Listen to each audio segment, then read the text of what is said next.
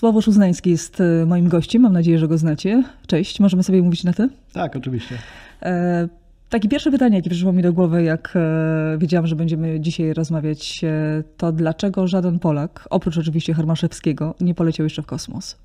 O, to jest dobre pytanie. Nie wiem, czy liczyłeś. 45 lat od tego momentu minęło. Zgadza się. E, nie liczyłem bezpośrednio, natomiast e, wtedy mieliśmy taką możliwość przez program Roskosmosu międzynarodowy, żeby mimo wszystko e, kosmonautów z bloku wschodniego zaprosić, przynajmniej z tej części Europy Środkowo-Wschodniej. Natomiast do 2008 roku i do ostatniej selekcji, jako Polacy, nie mogliśmy aplikować na stanowiska astronautów w Europejskiej Agencji Kosmicznej. Mhm. Także ta selekcja była pierwszą, kiedy tak naprawdę Polak mógł wziąć udział w selekcji i zostać wybrany do, do składu i cieszę się, że tak się udało.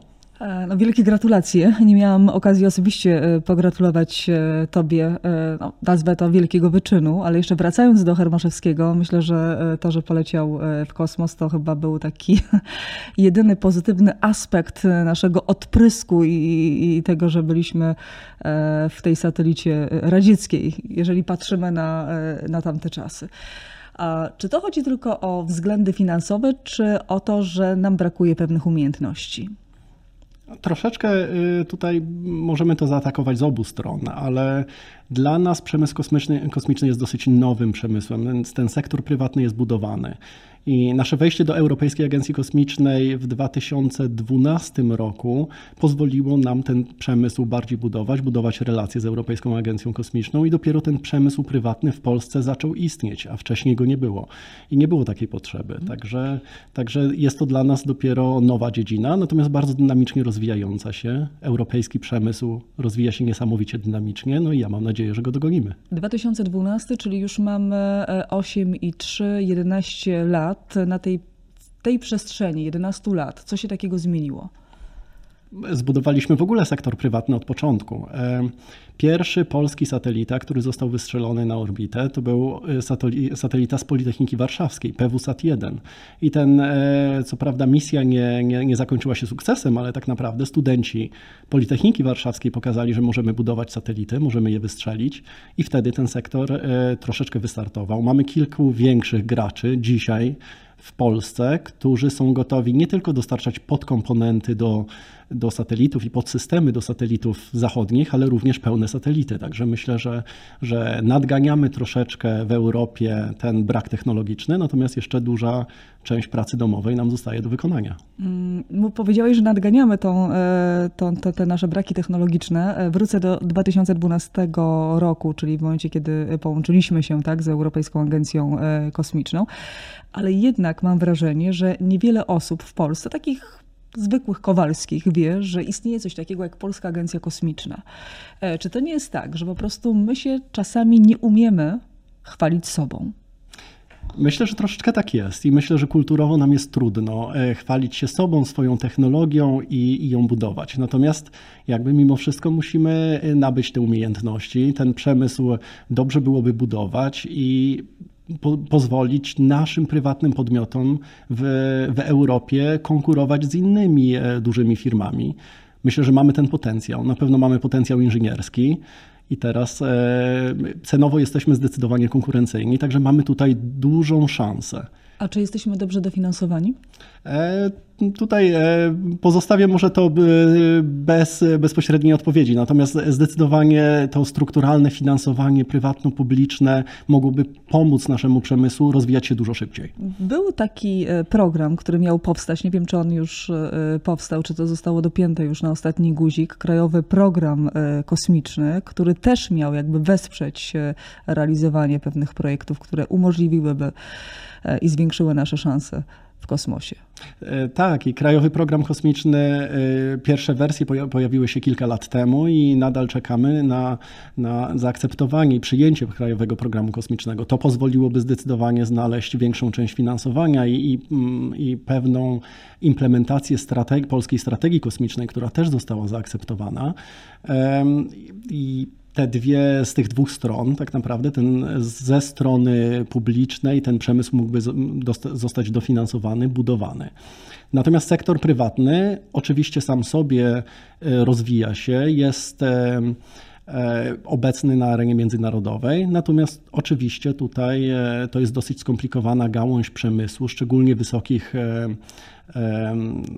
jak to powiedzieć, tego high-tech, który potrzebuje pewnej współpracy prywatno-publicznej, szczególnie w zakresie badań naukowych, żeby rzeczywiście rozwinąć pewną technologię i wystarczającą ilość podmiotów na rynku, które by pozwalały być konkurencyjne na arenie międzynarodowej. Mhm. Pytam y, o to, jakie kroki trzeba jeszcze zrobić, żeby o nas było y, głośno, albo które dziedziny w tym programie, sektorze może bardziej dofinansować, ponieważ znalazłam taki, taką wypowiedź prezesa Polskiej Agencji Kosmicznej, który mówił tak, że o tym, że cały czas nie jesteśmy aż tak bardzo widoczni, chociaż oczywiście rozwijamy się i próbujemy coraz bardziej, tak jak powiedziałeś, stawiać większe kroki w, w tym przemyśle. Przyczyny są dwie. Jako Polacy nie wierzymy we własne możliwości. Może to jest taka cecha narodowa, chociaż przełamujesz te bariery.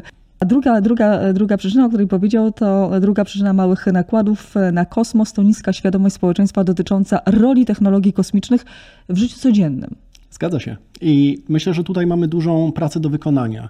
Dzisiaj ciężko sobie wyobrazić życie codzienne bez technologii kosmicznych, mimo że nie zdajemy sobie z tego sprawy. To wymień kilka. Także jadąc do pracy, oczywiście y, sprawdzamy, jaka, jakie jest natężenie ruchu i to, y, czy Google Maps, czy inne aplikacje pozwalają nam optymalizować tą, tą część, jak szybko dotrzemy do pracy, a ten, powiedzmy, pozycjonowanie bezpośrednio jest brane z satelitów okołoziemskich, które pozwalają nam pozycjonować siebie i mhm. optymalizację tego e, natężenia ruchu. Natomiast to jest tylko taki, taki jeden z przykładów, tych przykładów jest bardzo dużo. Optymalizować e, na dzień dzisiejszy E, wpływ na przykład naszej cywilizacji na zmiany klimatu. Bezpośrednio jesteśmy w stanie obserwować z satelity, czy obrazując powierzchnię lodową na biegunach, czy cała część meteorologiczna, żeby, żebyśmy wiedzieli z dobrą dokładnością, kiedy przyjdzie deszcz, jakie będzie słońce, jaka będzie temperatura. To wszystko są technologie kosmiczne, także my wszyscy z nich korzystamy na co dzień komunikując się z, z, rodziną, która czasem mieszka na innych kontynentach, ten sygnał często idzie również drogami satelitarnymi.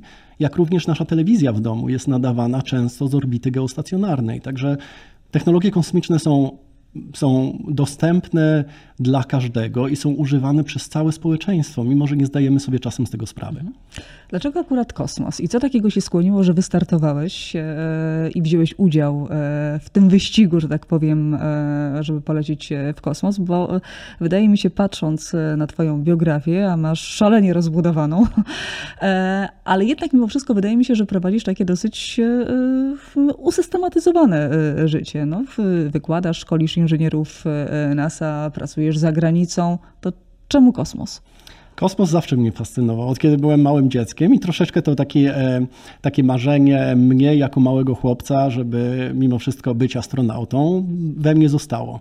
Już w wielu wywiadach powiedziałem, że urodziłem się 12 kwietnia, który jest międzynarodowym dniem Polsce dniem kosmonauty i zamiast e, życzeń na, na urodziny, jakby wszystkiego najlepszego z okazji urodzin, ja dostawałem wszystkiego najlepszego na Dzień Kosmonauty i myślę, że to tak ze mną zostało. I jeszcze dostałeś imię Sławosz. Tak, tak. Niespotykane i bym powiedziała imię bardzo, bardzo rzadkie. Tak, zgadza się. To coś będzie wspólnego z tą sławą. Już e, no nie wiem, zobaczymy.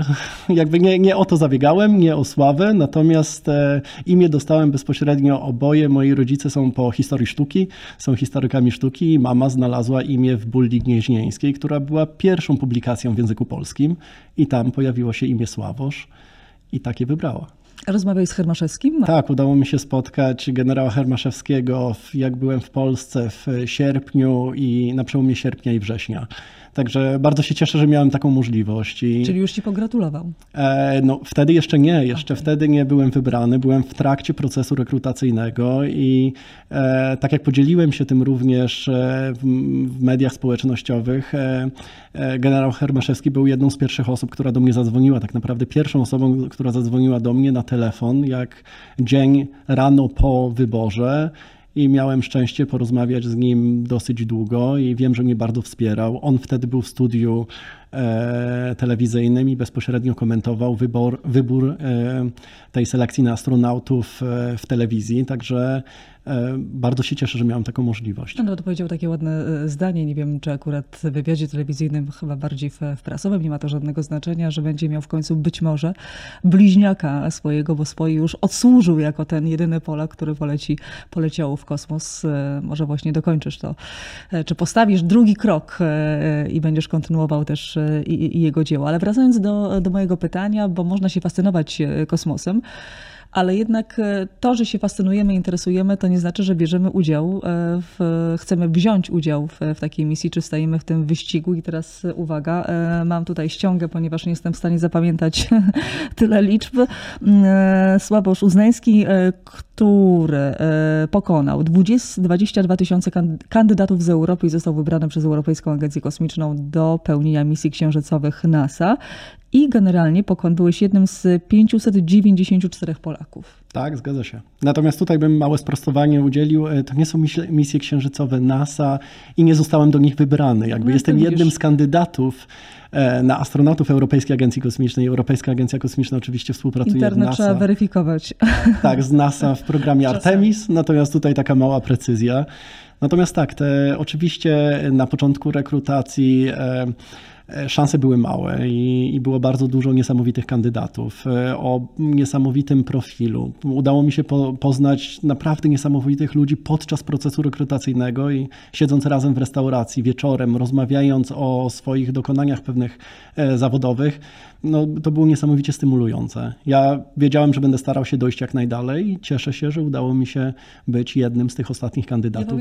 Niesamowicie duża mm, ws- współzawodnictwo było między kandydatami, a również mieliśmy takie etapy podczas procesu rekrutacyjnego, gdzie jesteśmy bezpośrednimi konkurentami, opozycję, natomiast nadal musimy e, razem komunikować się w grupie. Jesteśmy oceniani, jak komunikujemy się w grupie, jak e, udaje nam się e, mimo wszystko pod dużą dawką stresu, współzawodnictwa em, doprowadzić do rozwiązania pewnego problemu albo, nie, albo niemożliwości znalezienia, znalezienia rozwiązania na ten problem. Także to wszystko podczas procesu rekrutacyjnego było, było sprawdzane. Dla tych wszystkich, którzy e, nie do końca e, e, wiedzą, jak to wszystko przebiegało, być może nie czytali żadnego wywiadu e, z tobą, jak długo ta rekrutacja e, trwała? Mniej więcej około półtora roku. Pierwszy etap e, oczywiście zaczyna się od złożenia dokumentów i tutaj e, to jest tak jak podczas każdej innej rekrutacji CV, list motywacyjny, badania medyczne e, przez licencjonowanego lekarza. To chyba jest najprostszy etap. Z jednej strony najprostszy, najprostszy, z drugiej strony tutaj jest największa konkurencja. Tak jak mówiliśmy, 22 czy 23 tysiące kandydatów. Na drugi etap zostało za, zaproszonych między 1500 a 1600 kandydatów. Także ten etap sam w sobie jest, jest mimo wszystko bardzo kluczowy i determinujący tutaj. Ja mogę tylko powiedzieć z, z Ale moj- jeżeli mówimy o tej fizyczności, w sensie o badaniach lekarskich, prawda, jak, jak to wygląda, to znaczy, nie wiem, były jakieś próby wysiłkowe, musieliście Nie, się z tutaj- czymś mierzyć, czy... Tutaj oczywiście nie. To były zwykłe takie e, badania, jak, e, jak na, e, na pilota samolotu, zapisując się na pierwszą licencję. Także e, te, te badania, no, typowe badania na słuch, wzrok, e, natomiast nie było prób wysiłkowych, żadnych specy, specjalistycznych badań, przynajmniej tutaj. I one trwały może z godziny albo z półtorej godziny w moim przypadku. A testy psychologiczne? E, Podczas rekrutacji oczywiście był cały jeden etap dedykowany testów psychologicznych z panelem e, psychologów, psychiatrów i również z astronautami, którzy poddawali nas e, różnej dawce stre, stresowi w stresujących sytuacjach i patrzyli jak reagujemy. Oczywiście tutaj mieliśmy część indywidualną, rozmowy z psychologiem czy z psychiatrą, jak również część taką grupową testów komunikacyjnych w grupie i radzenia sobie z dynamiką grupy. Także dla mnie ten cały dzień e, to był jeden dzień e, rekrutacji, gdzie byłem zaproszony do międzynarodowego, do europejskiego, to się nazywa EAC, ESA Astronaut Center, czyli Centrum Szkolenia Astronautów w Kolonii w Niemczech. I jakby dla mnie to było niesamowite wrażenie i niesamowicie na mnie odcisnął się ten etap e, testów komunikacyjnych i psychologicznych. A co było takie najtrudniejsze? Jesteś w ogóle osobą, która lubi współdziałać e, z grupą czy indywidualistą? Myślę, że radzę się sobie w obu przypadkach. Dobrze czuję się indywidualnie, natomiast zdecydowanie jestem też członkiem grupy i to jakby moje doświadczenie w górach bardzo mnie nauczyło mimo wszystko dynamiki grupy w stresujących sytuacjach, gdzie trzeba podejmować decyzje i, i czyjeś życie może zależeć od tych decyzji. Jak również indywidualnie też dosyć dobrze sobie radzę w takiej pracy inżynierskiej, budując systemy i długoterminowo budując rozwiązania e, inżynierskie. Mhm. Także i z jednej i z drugiej strony myślę, że sobie całkiem nieźle radzę. To, co dla mnie było najtrudniejsze w procesie rekrutacyjnym, to były testy medyczne, dlatego że to były... Czyli jednak medyczne. Ta, tak, ale nie ze strony wysiłkowej i fizycznej, bo tutaj wiedziałem, że to jest część, która, która zależy ode mnie. Także tutaj mogłem pracować. Natomiast nad żadnym innym testem medycznym tak naprawdę nie mogłem pracować. Jak funkcjonuje moje ciało, jaki mam wzrok, czy zostanie coś wykryte, w, e, co nigdy w życiu mi nie przeszkadzało, ale będzie dyskwalifikujące. Tutaj na to nie miałem e, wpływu i ta część była dla mnie najtrudniejsza. To mnie zaskoczyła ta odpowiedź, ponieważ jakbym miała odpowiedzieć na to pytanie ja, to bym powiedziała odwrotnie, że ta część medyczna w ogóle nie byłaby dla mnie żadna, e, na pewno nie byłaby może najważniejsza, chociaż od tego oczywiście wszystko się zaczęło i ona była de facto najważniejsza, ale nie mam na to wpływu, a jakbym popełniła błąd na teście psychologicznym albo bym, bym nie potrafiła współdziałać w jakiejś grupie, no to już bym miała duże wyrzuty sumienia do siebie i zarzuty do siebie, że, że coś mi poszło jednak nie tak. E, z, drugiej z jednej strony tak, natomiast z drugiej strony nad każdym innym, innym etapem mogłem poświęcić czas i popracować. Nad testami psychologicznymi pracowałem z psychologiem. Nad, e, Ale ty się jakoś do tego przygotowywałeś, no bo wiedziałeś, że będziesz chciał wystartować e, i, i czytałam w jednym z wywiadów, że jak już pojawiło się to okienko, że pojawi się ta rekrutacja, ta możliwość wzięcia udziału w tej rekrutacji, czyli znaczy, że miałeś już ten plan wcześniej. Tak. Kiedy to się w twojej, w twojej głowie narodziło? tak jak powiedziałem, w 2008 roku my jako Polacy nie mogliśmy aplikować no, na, na stanowisko astronauty i to była ostatnia selekcja przed tą selekcją, w której wziąłem udział. Polska dołączyła do Europejskiej Agencji Kosmicznej w 2012 roku i wiedziałem, że będę czekał i czekałem tak naprawdę na otwarcie tej rekrutacji. Nie wiedziałem, czy to jest mi pisane. Także wiele lat. I de facto miałeś sporo czasu na przygotowanie się. Prawda. I budowałem swoją karierę od tego 2008 roku, kiedy zrobiłem magisterium, wybrałem doktorat, budując e, systemy elektroniczne dla zastosowań kosmicznych. Szkolisz inżynierów z NASA. E, myślę, że tutaj dzielimy się wiedzą. Nie powiedziałbym, że ja szkole inżynierów z NASA. Brałem udział w e, takich workshopach, gdzie ja e, uczyłem innych inżynierów, jak budować systemy do zastosowania w przestrzeni kosmicznej, ale również zapraszałem inżynierów NASA do CERN-u po to, żeby opowiadali nam, jak oni tym się zajmują, jak to robią, jak testują systemy. Także tutaj jest pełna współpraca. Czy to jakoś wpłynęło i te lata zostanę jednak przy swoim określeniu szkoleń czy wymiany wiedzy też pomogło ci w tej, czy rekruta, no tak, w tej rekrutacji. Myślę, że tutaj jakby ta cała część e, otwartej komunikacji w sytuacjach stresujących, dzielenia się wiedzą e, jest niesamowicie kluczowa w pracy astronauty. Ktoś może być na zewnątrz Międzynarodowej Stacji Kosmicznej na spacerze kosmicznym, ktoś będzie w środku i tutaj ten kanał komunikacyjny pomiędzy obiema osobami po to, żeby e, minimalizować ryzyko i efektywnie przeprowadzać pracę, która jest do zrobienia, jest niesamowicie kluczowy. E, zapamiętałam jedną wypowiedź e, a propos Agaty e, Kołodziejczyk, o której ci wspomniałam. Mm, I teraz mi się przypomniało, e, dawno, dawno temu, to już czas szybko leci, pewnie to było z 10 lat temu, na pewno z 8. Mm, Agata opowiadała, jak tutaj w Polsce budowali pewne takie huby, e, gdzie też próbowali szkolić astronautów, być może właśnie e, do tego okienka, może rekrutacyjnego, ale wiem, że mhm. Agata robiła jakieś badania. I to, co mnie wtedy mega zdziwiło, to jest to, że ona mm, prosiła, żeby ludzie się oczywiście zgłaszali. Nie robiła oczywiście tego sama w w, w pojedynkę, ale nie miało to dla nich znaczenia, czy będzie to prawnik, czy będzie to lekarz. To znaczy, jakby wykształcenie nie grało de facto roli. Mhm. Tak naprawdę jest? Trochę tak naprawdę jest. E, I tutaj oczywiście bycie astronautą i. E, Jakbyś był lekarzem to, to też, też mógłbym być... aplikować. Aha. I podczas, ja mogę powiedzieć tylko z mojego doświadczenia, jakie profile spotkałem podczas, e, podczas procesu rekrutacyjnego. I oczywiście taka standardowa, historyczna ścieżka to jest, jest dla pilota wojskowego, myśliwców wojskowych i to oczywiście, tak jak generał Hermaszewski został e, kosmonautą, e, to jest ta była standardowa ścieżka, szczególnie kilkadziesiąt lat temu. Na dzień dzisiejszy oczywiście ta ścieżka nadal istnieje, ale potrzeba jest jest e, wielu naukowców z, z różnych dziedzin. I tutaj ja przychodzę z tą częścią inżynierską, e, fizyki, budowania systemów kosmicznych. Natomiast spotkałem ludzi, którzy zajmują się botaniką i hodowlą roślin, czy na przykład zajmują się lodowcami, jak topnieją lodowce na planecie, czy tektoniką, czy to może być ziemska tektonika, albo być może jakieś e, struktury geologiczne nie tylko na Ziemi. Także tutaj ta ścieżka jest bardzo otwarta i myślę, jakby taka informacja ode mnie dla młodych ludzi, którzy chcieliby taką ścieżką podążać, ja bym powiedział, wyspecjalizujcie się w tym, co lubicie. Najprawdopodobniej sprawdźcie to, ale najprawdopodobniej ta ścieżka również będzie interesująca dla międzynarodowej, dla um, kariery w e, przestrzeni kosmicznej. Natomiast również trzeba wystarczająco być um, otwartym na mm, uczenie się i asymilowanie wiedzy z różnych dziedzin i robienie tego w sposób dosyć efektywny. Mhm. Czy zastanawiałeś się, co będzie, jak e, będzie ten kolejny e, skok e, i, i polecisz w kosmos.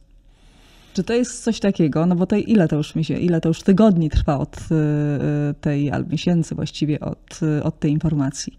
Od informacji, informacja była pod koniec listopada, 23 no to już mamy listopada. Tak. To już zdążyłeś się na pewno oswoić. E, oswoiłem się, natomiast na dzień dzisiejszy ja nie będę brał udziału w tym podstawowym szkoleniu dla astronautów. E, nasza część e, rezerwy, my czekamy tak naprawdę na telefon. Także czekamy, ale jednocześnie ja, będąc tą osobą, która mimo wszystko buduje strategię długoterminową, nie, nie spocząłem na laurach, tylko staram się mimo wszystko zbudować tutaj to, co przynajmniej to, gdzie mogę mieć wpływ, czyli gdzie byłaby potrzeba, co można byłoby z moim wykształceniem, w którą stronę pójść i w, w stronę której misji. Czy czekając, e, będąc jeszcze na tej liście, e, na tej ławce rezerwowej i czekając na, na, na swój moment, jesteś w stanie oszacować na dzień dzisiejszy swoje szanse? Nie jestem w stanie, bo to nie tylko zależy ode mnie. Natomiast ja wszystko zrobię z mojej strony, żeby mimo wszystko dążyć, podążać do tego celu. Czy będzie mi to dane, czy nie, to zobaczymy. Już przyszłość e, pokaże. Natomiast oczywiście tutaj moją częścią jest e, przygotowywanie się, natomiast zostaje nadal cała ta część strategiczna, czy rzeczywiście w Polsce chcemy budować przemysł kosmiczny, czy jest zainteresowanie społeczne, żebyśmy, żebyśmy w tym przemyśle brali udział, czy to będzie część naszej gospodarki, czy raczej raczej, czy, raczej tą część odpuścimy i skupimy się bardziej na części technologicznej, a na przykład nie na załogowych lotach kosmicznych, a może zainwestujemy w coś innego. I tutaj postawmy przecinek, bo za chwilę do tego chciałabym wrócić, ale jeszcze drążę ten temat, jakie masz szanse tak, tak. wyjść z tej łapki rezerwowej. To szansa twoja na tle osób, które są również z tobą na tej e, ławce rezerwowej. Jakie to są narodowości? Kto z tobą e, również czeka na tą e, dobrą wiadomość? Tak, to mogę powiedzieć, że została wybrana. Się znacie?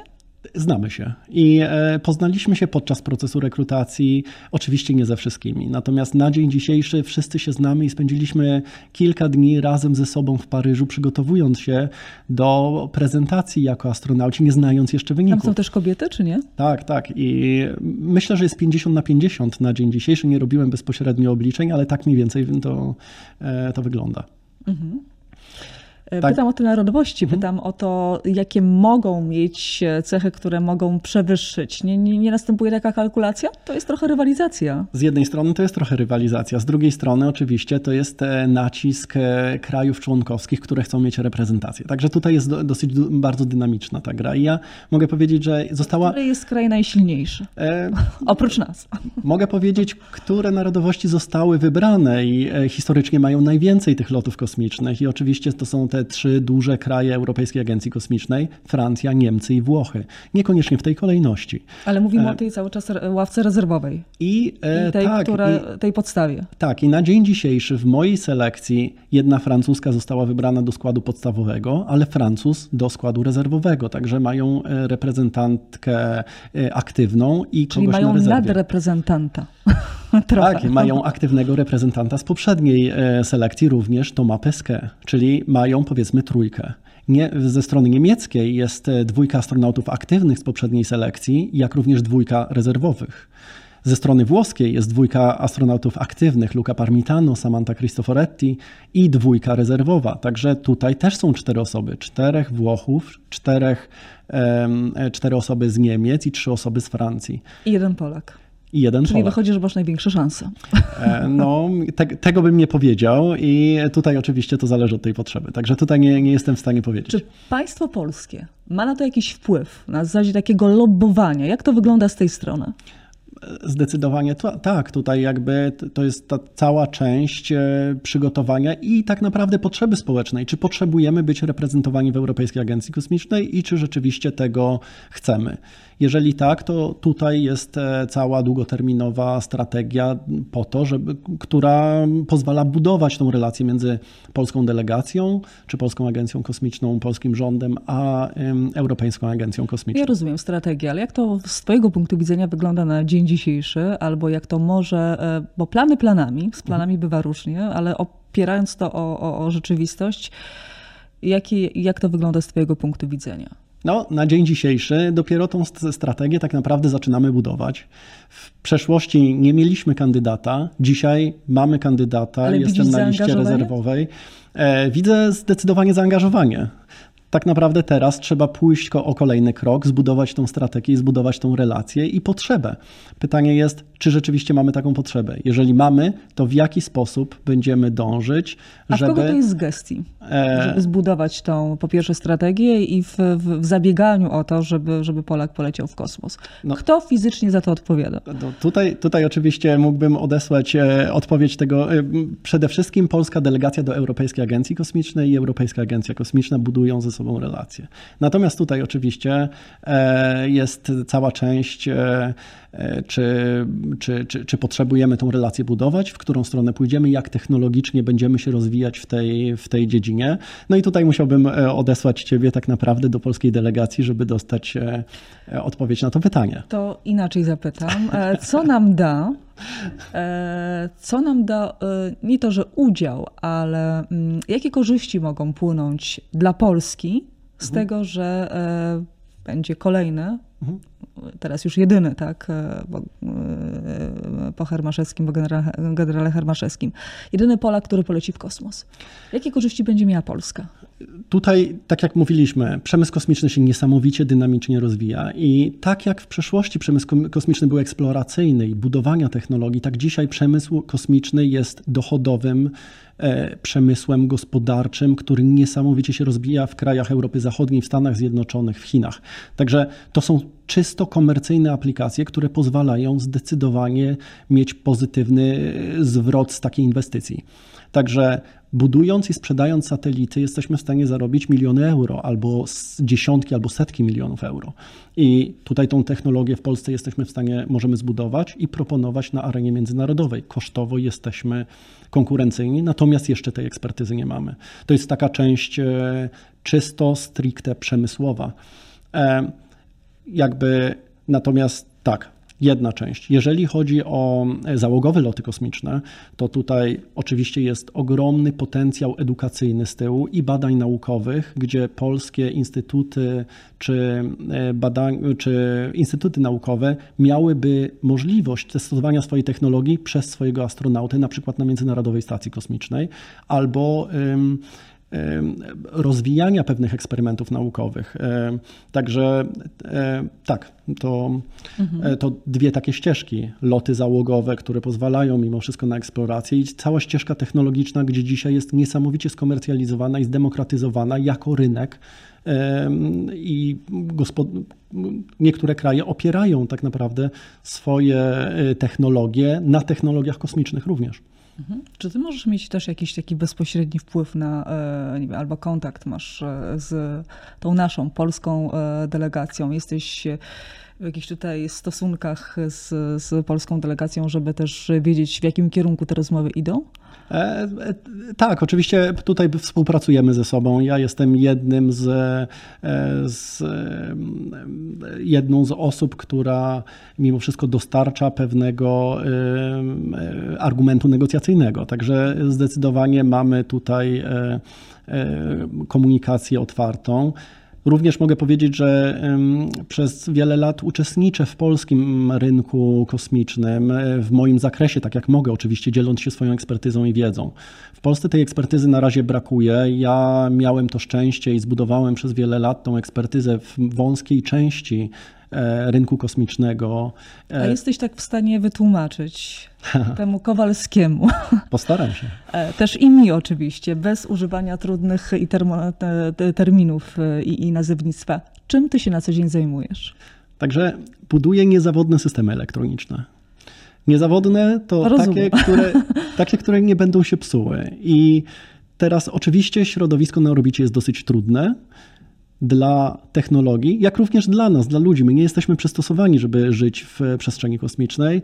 Technologia również ma dosyć jest, są pewne mm, błędy wprowadzane przez środowisko i to są problemy termiczne, dlatego że z jednej strony na przykład satelity może być bardzo zimno, a z drugiej strony będzie bardzo ciepło, dlatego że tego ciepła satelita nie ma gdzie oddać. Także tam, gdzie jest przez słońce nagrzewana, robi się gorąco, tam, gdzie patrzy w czarne niebo, tą energię mimo wszystko emituje. To jest jedna część, a druga część duża, która, gdzie ja się specjalizuję, to jest wpływ promieniowania na to, jak te systemy elektroniczne działają. Mhm. I tutaj to jest ta moja ekspertyza, gdzie jak projektować te systemy, tak żeby one działały w trudnym środowisku i inwestując te dziesiątki czy setki milionów euro, żeby wysłać satelitę na orbitę, oczywiście ten producent chciałby, żeby ten satelita działał jak najdłużej i niezawodnie.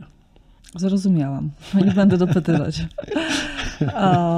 Czy jak już, czy projektujesz sobie, no, no po coś się oczywiście startuje w, mm, i bierze udział w takich rekrutacjach, na którą de facto, jak powiedziałeś, czekałeś bardzo e, długo. Czy e, myślisz o tym momencie, kiedy się okaże, że jednak lecisz w kosmos? I teraz sam moment uczestniczenia w tej misji i bycia e, z innymi, innymi osobami, życia i tak dalej. Czy jesteś w stanie, w stanie to sobie wyobrazić? Jestem w stanie. Jestem w stanie sobie zwizualizować, natomiast nie wiem do końca, nigdy nie byłem w tej Pytam sytuacji. Się, czy ta ekscytacja jest większa niż strach? E... Czy w ogóle, czy masz coś takiego, takie uczucie jak strach? E... Oczywiście i mam ogromny respekt do siedzenia w rakiecie na tej ogromnej energii, która, e, która zostanie w pewien sposób e, jakby do, do, do reakcji w, dojdzie w silnikach rakietowych po to, żeby wystrzelić kogoś w kosmos. Także tu mam duży respekt, ale ekscytacja zdecydowanie przeważa, a ja myślę, że tutaj mam małą, małą przewagę, dlatego że zajmuję się niezawodnością systemów elektronicznych, systemów kontroli, systemów kosmicznych, także jestem w stanie to ryzyko oszacować. A z drugiej strony, jak astronauci radzą sobie z tą ogromną dawką stresu? Przez szkolenie. Także powtarzając pewne czynności, ucząc się systemów, budując wiedzę i wiedząc dokładnie, co może się wydarzyć i jakie są procedury, w jakich przypadkach, to pozwala tak naprawdę ten stres e, zminimalizować i zmaksymalizować e, zdolności operacyjne takiego astronauty. Dlatego to szkolenie długo trwa i jest niesamowicie trudne, natomiast pozwala być efektywnym w sytuacjach, które mogą być sytuacjami zagrażającymi życiu. A sam moment funkcjonowania na tej tak. niewielkiej przestrzeni mhm. z pewną grupą de facto nieznanych e, osób, czy, ty, e, czy, czy, czy to nie jest jakieś trochę czasami może i przerażające? No, myślę, że ja z tą dynamiką grupy sobie dosyć dobrze radzę. E, czy jest to przerażające? Myślę, że przez ostatnie dwa lata wszyscy poznaliśmy te warunki trochę lepiej, także i mieliśmy, mogliśmy być, byliśmy testowani w tych warunkach e, podczas lockdownów. Także tutaj myślę, że e, jestem, jestem bardziej przygotowany na pewno niż, niż 3 czy 4 lata temu. Mhm. A ten sposób takiego, pytam o takie proste, e, no, takie życiowe historie. No mhm. jednak mhm. to wszystkich zawsze od wielu lat. Mhm fascynowało. Byłem, wiedziałam, że będziesz moim gościem, rozmawiałam z, z kolegą, który mówi, musisz zadać to pytanie. Przeczytałam w latach 90. fantastyczną rozmowę, do dzisiaj pamiętam, było 76 pytań do astronauty. Mhm. I co ludzi interesuje? No ludzi interesują takie prozaiczne rzeczy, mhm. prawda? Co jedzą, jak jedzą, jak się poruszają, mhm. jak załatwiają swoje potrzeby.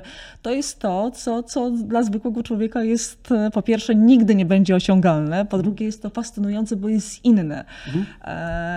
Czy na tych e, szkoleniach, w tym procesie rekrutacji, wy też przechodziliście przed tego typu jakieś takie elementy? Podczas procesu rekrutacji nie. Natomiast to już e, oczywiście jest częścią bazowego szkolenia dla astronautów, a później w zależności od misji już tego specyficznego dla danej misji. Natomiast ja mogę powiedzieć, że w tych sytuacjach troszeczkę byłem testowany w górach. Życie na Międzynarodowej Stacji Kosmicznej jest dosyć, dosyć takie bazowe, bym powiedział. Także jedzenie przede wszystkim to jest e, takie liofilizowane jedzenie, takie, które zabieramy ze sobą w góry, które rzeczywiście trzeba do, dolać wody, zagotować i jest gotowe. Także to jest duża część jedzenia. Oczywiście z nowym transportem środków z ziemi mogą przyjść świeże warzywa i owoce, które wystarczą tylko na kilka dni, ale kolejne tygodnie to jest mimo wszystko paczkowane jedzenie. E, oczywiście tutaj temat toalety jest bardzo e, często zadawany. No tutaj w, przy braku grawitacji oczywiście ta toaleta musi inaczej wyglądać. E, mimo wszystko ten cały, e, wszystko to co wydalamy musi zostać e, wciągnięte powiedzmy sobie do takiego odkurzacza, który już podzieli e, to co jakby to, to co my wydalamy na część płynną i część, która później spłonie w atmosferze i zostanie z Międzynarodowej Stacji Kosmicznej zabrana, a część płynna zostanie mimo wszystko przefiltrowana na pitną wodę. Mhm. Także tutaj niesamowicie brzmi dużo. Kosmicznie. Brzmi kosmicznie, ale niesamowicie dużo się uczymy i technologię rozwijamy tutaj, w jaki sposób wykorzystać optymalnie nasze zasoby. Wodę, którą mamy, powietrze, na Międzynarodową Stację Kosmiczną każdy kilogram wysłany kosztuje niesamowicie dużo. Te systemy są zoptymalizowane w taki sposób, żeby mieć zamknięte obiegi praktycznie wszystkiego i wykorzystać to, co mamy. I myślę, że tutaj moje doświadczenie z gór dosyć dużo się przydaje, dlatego że tylko to, co mamy w górach, to jest to, co mamy w plecaku i to, co nasi koledzy mają w plecaku. Także i jedzenie, i woda, i sprzęt, który mamy, jak również zdolności, myślę, że są bardzo mocno, mogą być transponowane z gór na taką sytuację, na przykład na Międzynarodowej Stacji Kosmicznej. To też mały przecinek zrobimy a propos e, gór, bo wiem, że lubisz e, się wspinać, chociaż jak się okazuje, to nie jest jedyna twoja e, pasja i hobby, ale na chwilę zatrzymajmy się przy, przy górach. Jakie szczyty zdobyłeś? No, dużo różnych szczytów i tutaj nie celuję w jak najwyższe szczyty. Oczywiście jest zawsze taki mały, mała ekscytacja idąc gdzieś wyżej. Najwyżej, gdzie byłem, to w Himalajach zdobyłem dwa sześciotysięczniki. Podczas tego procesu rekrutacji byłem zaproszony na jeden ośmiotysięcznik, ale z powodu rekrutacji nie wziąłem w nim udziału i, i, i to była bardzo świadoma decyzja. I lubię zdobywać szczyty w Alpach. E, czy czterotysięczniki, czy nie. W Alpach mamy 82 czterotysięczniki do zdobycia. Ja zdobyłem kilkanaście. Jeszcze długa droga przede mną, ale pewnie... prawdziwy Himalajista. Oni zdobywają no, Himalaje i te najwyższe e, szczyty, a ty zdobywasz e, kosmos. Już nie ma nic, nic wyżej. Zgadza się, jeszcze w kosmosie nie byłem, ale na pewno nie porównuję się do dużych polskich Himalajistów z przeszłości czy, czy, czy aktualnych, bo absolutnie nie mam tych samych E, kompetencji oni. A druga twoja pasja? E, słucham? Druga twoja pasja? E, druga moja pasja, całe życie spędzałem bardzo aktywnie, także druga moja pasja to żeglarstwo. Żeglowałem od kiedy byłem małym dzieckiem, od kiedy miałem 7 czy 8 lat i, i spędziłem cały, całe moje dzieciństwo i powiedzmy jako nastolatek ten czas żeglując na regatach w Polsce czy międzynarodowo to aż chcę się zapytać, jak ty na to wszystko znajdujesz czas? No, y, rozciągam dobę czasem, e, ale no, mam takie szczęście, że mam dużo energii, e, lubię to, co robię, to mi daje kolejną energię do działania, także e, jakoś to uda, udaje mi się spiąć. Wiem, że mieszkasz w Genewie, stąd też musiałam czekać, nie tylko ja, ale też inni dziennikarze, na przyjdziesz oczywiście do Polski i znajdziesz chwilę czasu, żeby, żeby porozmawiać. Jak ta e, nauka i praca za granicą, w Twoim przypadku w Genewie, szkolenie, dokształcanie, edukacja różni się od, od tego naszego systemu, od, od warunków polskich. Czy ty mhm. jako i wykładowca, i osoba, która jednak wymienia się, e, ja mówię szkoleniowiec, mówisz, że, że wymienia się wiedzą, czy widzisz e, różnicę? Ja może tutaj mogę zacząć od tego, że ja widzę ogromną różnicę y, y, między tym, jak ja studiowałem w Polsce, a między tym, jak koledzy studiowali, którzy, y, którzy byli 5 czy 6 czy 7 lat młodsi. Myślę, że tutaj technologia, technologia zmienia się szybciej niż tak naprawdę te warunki edukacyjne.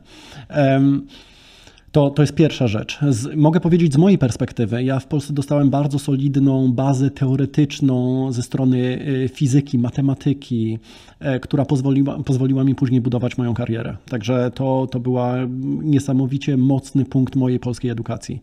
Jadąc do Francji robiłem również, mam polskiego magistra inżyniera, jak i francuski dyplom magistra i francuski dyplom inżyniera. A skąd tak dobrze znasz francuski? Pojechałem do Francji, się nauczyłem. Prosta odpowiedź.